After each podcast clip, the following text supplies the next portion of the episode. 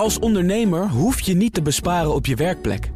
Want IKEA voor Business Netwerk biedt korting op verschillende IKEA-producten. Word gratis lid en laat je werkplek voor je werken. IKEA, een wereld aan ideeën. BNR Nieuwsradio. BNR Zaken doen. Thomas van Zeil. Beursgenoteerde ondernemingen keren recordbedragen dividend uit. Wat kan Europa betekenen voor het bedrijfsleven? En beloningen zijn vaak afhankelijk van harde cijfers. Is dat nog wel van deze tijd? Dat en meer bespreken we in het boardroom panel bestaande uit Dirk-Jan van den Berg, bestuurder bij Sanguine, commissaris bij FMO en Gasunie en voorzitter van de Governing Board van het European Institute of Innovation and Technology. Mijntje Lucraat Rovers is hier hoogleraar Corporate Governance aan de Tilburg University, commissaris bij onder andere Achmea en mijn zakenpartner al anderhalf lang is Inge Brakman, commissaris bij onder andere DSM Nederland en Shell Nederland. Welkom. Iedereen al braaf gestemd op deze dag? Zeker. Zeker, ja. Echt al in alle vroegte, want het opkomstpercentage ligt nu nog een beetje achter bij vijf jaar geleden. Is het iets eh, waar je lang over na hebt hoeven denken of uh, was je er meteen uit? In mijn geval niet, nee. Oké. Is, het, is, het, uh, is het voor jou ook volstrekt logisch dat je gaat stemmen, Mijntje? Ja, steeds meer denk ik. Uh, want vroeger kon je nog wel eens denken, joh, de Europese verkiezingen, waar gaat dat over? Maar ik heb het idee dat het steeds meer uh, belangrijk wordt dat je ook daar je stem laat horen. En uh, nou, als je, ik heb er niet heel lang over na moeten denken. Stem natuurlijk op een vrouw. En heb me de laatste jaren aangeleerd om niet meer op de eerste vrouw, want die krijgt toch wel genoeg stemmen, maar alweer iets onder op de lijst te gaan zoeken. Ja, dus zodat iemand er net wel ja, in komt. Ja. Ja, nou trapte Inge deze uitzending af met het statement, de stelling dat het Europese beleid voor Nederlandse bedrijven al vaak belangrijker is dan dat Nederlandse beleid. Onderschrijf je dat? Uh, op het gebied van. Dat mag Inge zelf nog. Ja, voor, voor, voor bedrijven. Dus, dus uh, regelgeving, maar ook toekomstgericht, uh, investeringskansen. In Europa wordt zo ontzettend veel bepaald. En, en soms blijven we in Nederland de discussie voeren over een aantal aspecten die eigenlijk in Europa al geregeld zijn vind dat wel een interessant debat. Toch heb ik zelf wel het idee met, de, de, regelgeving waar ik zelf dan mee in aanraking kom uh, in corporate, op corporate niveau. Dat wij als Nederland juist vaak het, uh, het beste jongetje uit de klas willen zijn, zeg maar. Dus dat we altijd weer een stapje over die Europese wetgeving heen gaan. Eh, wat ook natuurlijk niet wenselijk is. Denk aan de accountancy-wetgeving op een gegeven moment, het wisselen van accountants. Moesten we eerder wisselen dan op Europees niveau gewenst was. Dus ja, ik zie toch verschillende gelaatsuitdrukkingen. Op de radio is het dan goed als dat nog even vergezeld gaat met wat woorden. Nou ja, ik, ik, ik kijk een beetje naar um, um, wat voor wetgeving zie je voor, um, uh, voor een aantal vraagstukken. Waar je uh, Europa kijkt op klimaat- en energietransitie, kijken ze vooruit, hebben ze al regels gesteld. we hebben natuurlijk zijn voor ons landbouwbeleid heel erg afhankelijk van wat er ook in Europa gebeurt met de gelden die van Europa naar de, de, de landbouw gaat, akkerbouw. Dus, dus als je gaat kijken naar de toekomst toekomst van de productie, van de productiebedrijven van ons land, dan wordt er al heel veel in Europa bepaald. En daarna komen de regels in Nederland. Ik weet niet of Nederland nog steeds het, het, het, het, het braafste jongetje van de klas is. We hebben wel onze Corporate Governance Code, waar we behoorlijk stevig zijn en zeggen van nou, wij willen daar een voorbeeld in zijn. En, en eh, die wetgeving die, die begint wel langzamerhand behoorlijk parallel te lopen, denk ik. maar het gaat mij vooral over het beleidsperspectief. Hmm. Ja, ik onderschrijf dat. Europa is van enorm belang voor het Nederlandse bedrijfsleven. De gemeenschappelijke markt, de gemeenschappelijke handelspolitiek. Dat zijn zaken die van extreem belang zijn voor het bedrijfsleven. Het creëert een level playing field in Europa. En het geeft ook Europa de juiste schaal om in de mondiale eh, concurrentie mee te kunnen doen. En dat is iets wat van onschatbare waarde is en wat al 50 jaar met ons is. Hè? Dus wat dat betreft is het iets. Nou, we denken uh, over Europa in de wereld ten opzichte van machtsblokken als China en de Verenigde Staten. Dat is volgens mij een discussie die misschien al langere tijd woedt, maar die nu toch wel echt in volle hevigheid is losgebarsten, toch? Ja, dat heeft te maken met hoe natuurlijk de geopolitieke houdingen, verhoudingen zich nu ontwikkelen. Maar Europa is natuurlijk al een hele tijd met ons. En deze gegevenheden van een interne markt, de gemeenschappelijke handelspolitiek. of het landbouwbeleid, weet ik niet zo zeker of ik daar zo enthousiast over ben. Maar dat is een andere discussie. Nou, dat is ook een discussie dat is, die, die Dat zijn ook de competenties van, uh, van, van Europa. Hè? Want, want ook uh, in Europa kan geld maar één keer worden uitgegeven. En het gaat over behoorlijk wat geld. Maar heeft minister Hoekstra ja. ook nog gezegd: er gaat heel veel geld naar landbouwfondsen. We zouden die prioriteiten tegen het licht moeten houden. Wat mij betreft gaat er meer geld naar bijvoorbeeld, daar zijn ze weer, het is natuurlijk ook mode, artificial intelligence, nanotechnologie. Ja, ik vond dat dat, wel een hele mooie toespraak die Hoekstra heeft gehouden in. eh, Ja, het, in het is nogal een statement ook hoor, voor een CDA om dat te doen. Want er Dat, zijn eh, zoveel mensen in de landbouw van afhankelijk in Dat Nederland. vond ik ook. Maar eerlijk gezegd eh, is het landbouwbeleid eh, toch wel een enige vernieuwing toe in de Europese Unie. En het is ook zo dat als we praten over je positie in dat mondiale debat waar je het net over had, dan gaat het toch heel erg over concurrentiekracht en wat je voorstelt op het gebied van technologie en innovatie. Dus dat je binnen die vrij behoorlijke, omvangrijke fondsen van de Europese Unie een ander accent wil aanleggen, dat lijkt me bijzonder verstandig.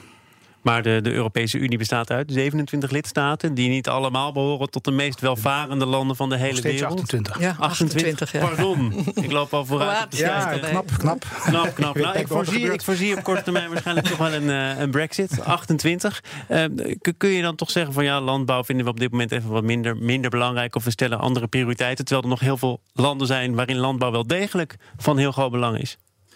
Ja, maar daarom is het eh, interessant dat we vandaag voor het Europees Parlement kunnen kiezen. Want daar kunnen natuurlijk geluiden vandaan komen die ook over dit soort prioriteitsstellingen gaan. Eh, met andere woorden, ga stemmen als je dat nog niet gedaan hebt. Ja. Wat, wat betekent het eigenlijk eh, voor het eigen instituut waar je bij betrokken bent? Ja, ik, eh, ik, eh, ik ben, eh, zoals je al zei, voorzitter van de Governing Board, zoals dat mooi heet, van het Europees Instituut voor Innovatie en Technologie. En dat is eigenlijk een prachtig voorbeeld waar Europese samenwerking heel veel kan brengen. Want wat het in feite doet is, rond bepaalde maatschappelijke thema's, zoals energie en klimaat en gezondheid en voedsel. Zoals het dan heet in het jargon, knowledge and innovation communities te creëren, die partijen in Europa met elkaar verbindt om start-up companies een hele goede kans te geven om in deze gebieden iets bij te dragen aan de oplossing van de vraagstukken die met die gebieden samenhangen. Maar is er vanaf volgende week echt iets veranderd? Of moeten we dat dan toch nog maar zien? Hè? Want we stemmen voor het Europarlement.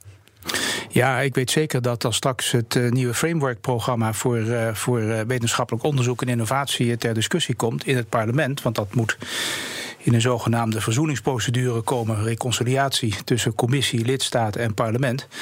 Dan ben ik wel zeer geïnteresseerd in wie er dan in het parlement zit om dit argument heel goed te maken. We gaan eh, Europa een beetje achter ons laten en kijken naar beursgenoteerde ondernemingen. Want die hebben aandeelhouders afgelopen jaar een recordbedrag aan dividend uitgekeerd.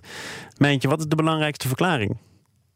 Nou, je zou denken dat de belangrijkste verklaring is dat er meer winst gemaakt is en dat daar een groter deel van uitgekeerd kan worden. Ehm, ik kan me ook nog wel voorstellen, kijk, een rendement dat een aandeelhouder maakt, dat bestaat uit ehm, kapitaalwinst, hè, de stijging van, van de koers en een stukje dividend, dus cash over het jaar. Ik kan me ook voorstellen dat het ene wat is tegengevallen en dat dat rechtgezet moet worden met het ander. Dus hè, dat de kapitaalwinst, met name eind december, was dat natuurlijk. eh. Dan zat iedereen in het rood. eh, dat dat dan met dividend geprobeerd wordt eh, goed te maken om toch aandeelhouders tevreden te houden. Ik, ik zou me dat ook kunnen voorstellen. Dus het is korte termijn gedreven. Nou, in ieder geval ehm, ehm, gekeken naar de aandeelhouder, wat die graag voor rendement wil zien. En of dat nou uit koerswinst of uit dividend komt, maakt dan niet zo heel erg veel uit. Dus nou zijn er ook eh, analisten die zeggen: ja, dividend dat kun je uitkeren. Je kan het ook niet doen en, en je geld aan andere dingen uitgeven. Eh, zoals bijvoorbeeld eh, lange termijn investeringen. Waarom gebeurt dat dan niet? Nou, dat gebeurt ongetwijfeld ook. Hè. Dus er, eh, maar er, het is natuurlijk ook wel veel gehoord in de markt dat er gezegd wordt: het geld ligt op de plank en we raken het niet kwijt aan alle mogelijke investeer. Private equity klaagt erover. Dus ik, en ik heb daar geen inzicht in hoor. Dus eh, ik herhaal ook maar wat je dan hoort. Maar dat er zo heel veel investeringsmogelijkheden ook niet zijn. Je moet er wat mee. Inge, is dit, is dit eh, wel waar ik- je als bedrijf voor staat? Een afweging die je moet maken? Nou ja, kijk, ehm, het, het, dividend is inderdaad wel wat meer het korte termijn, maar het binden van je aandeelhouders voor de langere termijn. Maar het is, het is een, een, een uiting van datgene wat je op korte termijn eigenlijk verdiend hebt. En ehm, de investeringen die gaan natuurlijk, daar moet je echt naar de, naar de komende 15, 20 jaar kijken en kijken hoe het bedrijf vooruit gaat. Wat ik interessant vind is dat analisten kijken ook wel degelijk naar de investeringen, want dan kun je een beetje zien welk vertrouwen een bedrijf heeft in zijn eigen toekomst. En die investeringen die zijn volgens mij niet zo vreselijk teruggelopen. Die zijn ongeveer op een wat gelijk niveau. Je zou wel verwachten dat omdat er zoveel geïnnoveerd moet worden... en omdat je weet dat bedrijven allemaal een tourneuren moeten gaan maken in deze tijd... dat dat bedrag omhoog zou moeten. En dat zie je nog niet terug. Dus dat, dat vind ik wel een, een ja, dat vind ik iets om in de gaten te houden. Maar je, je kunt ook niet zeggen dat die investeringen heel erg naar beneden zijn bijgesteld. Dus je kunt ook niet zeggen het vertrouwen in de toekomst dat verdampt een beetje. Nee, ik denk het niet. Ik, ik, denk dat je wel. Je ziet eigenlijk best een continue stroom van die investeringen. Ook een continue stroom van investeringen op innovatie, RD. Wat iedereen belangrijk vindt. Voor Nederland heel belangrijk, voor Europa, juist voor de concurrentiekracht. Uh, dus je zou wel verwachten dat dat wat meer gaat worden als je naar de toekomst kijkt. En dat zie ik nog niet gebeuren. Ja, ik denk dat er nog een ander argument meespeelt. En dat is dat natuurlijk een aantal bedrijven. Uh, ook target kunnen zijn van een overnamestrategie van een ander bedrijf. En in dat geval bind je je aandeelhouders graag aan je en hou je ze graag tevreden. Dus dat zal bij een aantal bedrijven zeker ook een rol hebben gespeeld. Dus dividendpolitiek is niet zoiets van uh, kom, wat zullen we nu eens doen met ons geld. Maar het is ook natuurlijk een zeer wel overwogen strategie om bepaalde ontwikkelingen die je niet wenst, uh, toch nog een beetje buiten de deur te houden. Nou, en het beeld dat Inge schetst, namelijk uh, er zal toch ook uiteindelijk veel geld nodig zijn om een tournure te kunnen maken. Dat woord ga ik eens wat vaker gebruiken. want bedrijven moeten zich klaarmaken voor de toekomst en daar horen investeringen bij. Dus daar moet dan ook meer budget voor zijn? Ik denk dat uh, bedrijven die een knip voor neus waard uh, zijn, die hebben een strategie, die hebben een investeringsagenda. We weten allemaal dat dat dan ook vaak hele grote investeringsprojecten zijn. Die hebben een lange lead time. Dus ik denk dat ook met deze dividendbeleid dit soort strategieën nog wel degelijk op de agenda staan. Dus daar zou ik me niet maar staan ze al genoeg maken. Nou, Inge maakt zich toch enige zorgen. Ik probeer hier die strijd een beetje ja. op gang te helpen hè, binnen het panel. Um, ik zou me daar geen zorgen over maken, nee. Ja, en waarom dan niet?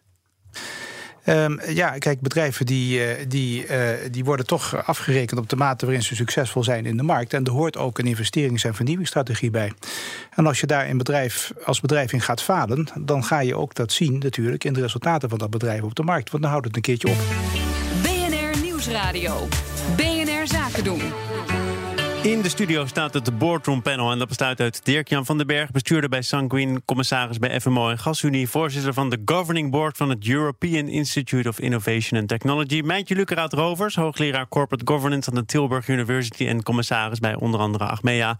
Mijn zakenpartner is commissaris bij DSM Nederland en Shell Nederland en voorzitter van het Rode Kruis. En we gaan het ook hebben over Shell en Mijntje, daar ging het de vorige keer dat je hier was ook over, namelijk de vraag hoe en waar betaalt Shell dan winstbelasting? In een uitgebreid interview met Elsevier vertelde directeur Marjan van Loon dat Shell geen winstbelasting betaalt. Ik wil toch ondanks dat ik jou heb aangekondigd, beginnen bij Inge, want je bent commissaris bij Shell. Um, kun jij toch nog even kort uitleggen hoe het zit? Want Shell verdient geld in Nederland, niet zozeer weinig geld, en betaalt er geen winstbelasting over.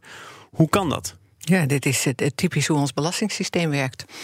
Dus um, je kunt um, verliezen die elders gemaakt worden, die mogen gecompenseerd worden ten opzichte van de, de, de winsten die je maakt. Dus dat zijn aftrekbare, um, die, die, zijn, die zijn aftrekbaar.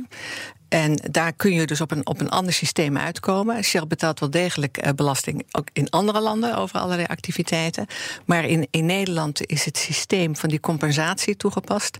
Uh, Shell betaalt wel um, um, mee aan accijnsen en aan BTW en aan allerlei andere uh, belastingen. Dus de, de Nederlandse overheid kijkt daar toch nog wel een aantal miljarden van binnen. Maar niet op het vennootschapsbelastingsidee. Dat is ook Nederlandse politiek daar haalt de Nederlandse politiek bedrijven mee binnen.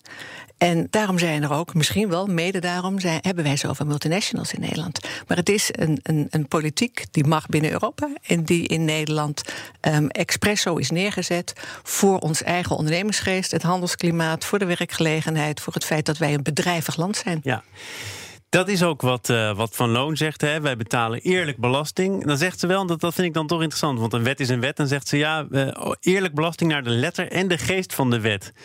Zit er dan verschil in wat er volgens de geest van de wet mag en wat de letter van de wet voorschrijft? Ja, kijk, ik denk dat wat er gebeurt is dat natuurlijk als je aan iemand vraagt: is het eerlijk dat Shell geen belasting betaalt? Dan is het antwoord nee. Want dat voelt niet eerlijk. Dat aan mij vraagt. Ja, want ik betaal belasting, dus waarom betaalt een ander geen belasting? Dus, en, en Shell is enorm in de verdediging gedrukt voor een beleid wat een overheidsbeleid is. Dus ik denk dat ze daarmee wil laten zeggen: het is heus niet zo dat wij helemaal de wet op de randjes afknippen en als Shell proberen overal alle mazen te vinden die er zijn. We betalen wat we moeten doen naar de geest en naar de letter van de wet, zoals dit ook bedoeld is. En de discussie die we zouden kunnen voeren is: hoe belangrijk vinden we dan eigenlijk hoofdkantoren van multinationals? Nee, ik denk dat de discussie veel meer is: hoe ziet ons belastingssysteem eruit? Want het, het, ons hele belastingstelsel zit met allerlei voor- en nadelen en belastingen belastingen en accijnsen en BTW. Er zitten zoveel verschillende onderdelen in de belasting in. Dan moet je naar dat hele systeem Maar het kijken. idee van dat systeem is op dit moment toch dat we het voor hoofdkantoren aantrekkelijk moeten maken om zich hier te vestigen. Ja, dat is op zich wel politiek. Want wij willen vooruit, we willen innoveren, we willen dat Nederland meedoet. We hebben de, de laagste, nou, we hebben het gisteren Rutte nog horen vertellen in het debat met Baudet. Eh, we hebben de laagste werkloosheid. Eh, ja, we willen mee als land. Dus En, dat en- is maar een zou van je de dan kunnen zeggen, instrumenten. als je dat instrument aanpast, verandert, dan moeten we nog maar kijken hoeveel hoofdkantoren er in Nederland overblijven. Ja, zou kunnen. Ja, of, of je bent minder aantrekkelijk voor mensen om zich hier te vestigen. Nou, ik ben het wel eens met ook de analyse van, van Inge. En, en ik snap heel goed ook dat Marjan van Loon zegt... eh, naar de letter en de geest van de wet. Want er wordt nu soms over gesproken, ook zeker in de politiek... Als die, alsof het hier gaat om belastingfraude. En dat is natuurlijk helemaal niet aan de orde. Zelfs zou je nog kunnen zeggen, is het ont- belastingontwijking. Ehm, ook niet helemaal. Het is, eh, Shell is een groot internationaal bedrijf. Kan op meerdere plekken eh, inderdaad belasting afdragen. Kiest waar dat het meest gunstig is. Dat lijkt me niet meer eh, dan reëel. Het wordt pas een, denk ik, een heel raar verhaal. Op het moment dat je in een compleet ander land waar je helemaal niet actief bent, dat je daar dus echt belastingdruk gaat laten neervallen. om zo die belasting te ontwijken. Dus ik vind ook eerlijk gezegd dat de teneur van het debat. Ik vind het heel goed dat het gevoerd is. Want, vervoerd, want je moet inderdaad over dat belastingssysteem met elkaar het gesprek aangaan. Vinden we dat oké? Maar op het moment dat we zeggen dat vinden we oké, dan moet je Shell ook verder eigenlijk met rust laten. Oké, maar dat is, dat is niet gebeurd. Eind november kwam dit naar buiten via Trouw. Dan zegt Van Loon eh, dat dat haar niet beviel. Dat zijn fiscale details over Shell. Die zijn eigenlijk net zo privé als je medische dossier. Er is volgens mij ook overwogen om daar iets aan te doen. Dat is niet gebeurd. Is dat iets waar de Raad van Commissarissen zich over heeft uitgesproken of over Nee, is gevraagd? het- nee het is wel ehm, ehm, wat haar ongelooflijk irriteert. En dat begrijp ik, dat vanuit het ministerie van Financiën blijkbaar cijfers gelekt zijn. Op het moment dat je een afspraak hebt met een overheid dat cijfers vertrouwelijk zijn, zijn ze vertrouwelijk. Dus ik, ik snap wel dat ze daar ontzettend zagrijnig over is. Maar had je dan eind 2018 al moeten zeggen: dit is hoe het zit. We voldoen prima aan wat er in Nederland is opgesteld aan wetgeving. That's it. Want het is inmiddels 23 mei. Ja, wat je hier ziet is dat, het, dat, dat Shell wel vaker een, ehm, eh, staat natuurlijk onder druk in, in, in, ehm, in het imago. En krijgt vaker dingen teruggespeeld. Dus er is ook een keuze gemaakt. Wanneer ehm, laat je zien ehm, wat je reactie op bepaald nieuws is. En ehm, eh, daar is voor gekozen om dat, eh, om dat wat later te doen dan gelijk eh, Ik denk dat met de publicatie. Ik denk dat er huiswerk is voor de Nederlandse staat en huiswerk is voor Shell. Voor de Nederlandse staat, de politiek, is er discussie. We hebben een beleid om multinationals te overreden om hier een hoofdkantoor te vestigen. Dat instrumenteren wij met een belastingbeleid. Nou, vinden we dat nog acceptabel? Dat moet echt daar opgelost worden. Nou, dat debat komt eraan. En ik denk dat aan de kant van Shell eh, het huiswerk ligt van... ja, hebben we zin om op deze manier in de publiciteit te komen. Is het nou werkelijk zo smart om inderdaad helemaal geen vennootschapbelasting te betalen? Omdat wel duidelijk is dat dit natuurlijk in de samenleving niet zo vreselijk Maar, maar zou je dan vennootschapbelasting gaan betalen terwijl dat eigenlijk niet nodig is? Terwijl de regels zo zijn dat dat je vrijstelt? Nou ja, kijk, wat er een beetje achter ligt in het debat is... als wij vennootschapbelasting moeten gaan betalen... dan moeten wij heroverwegen waar we ons hoofdkantoor hebben.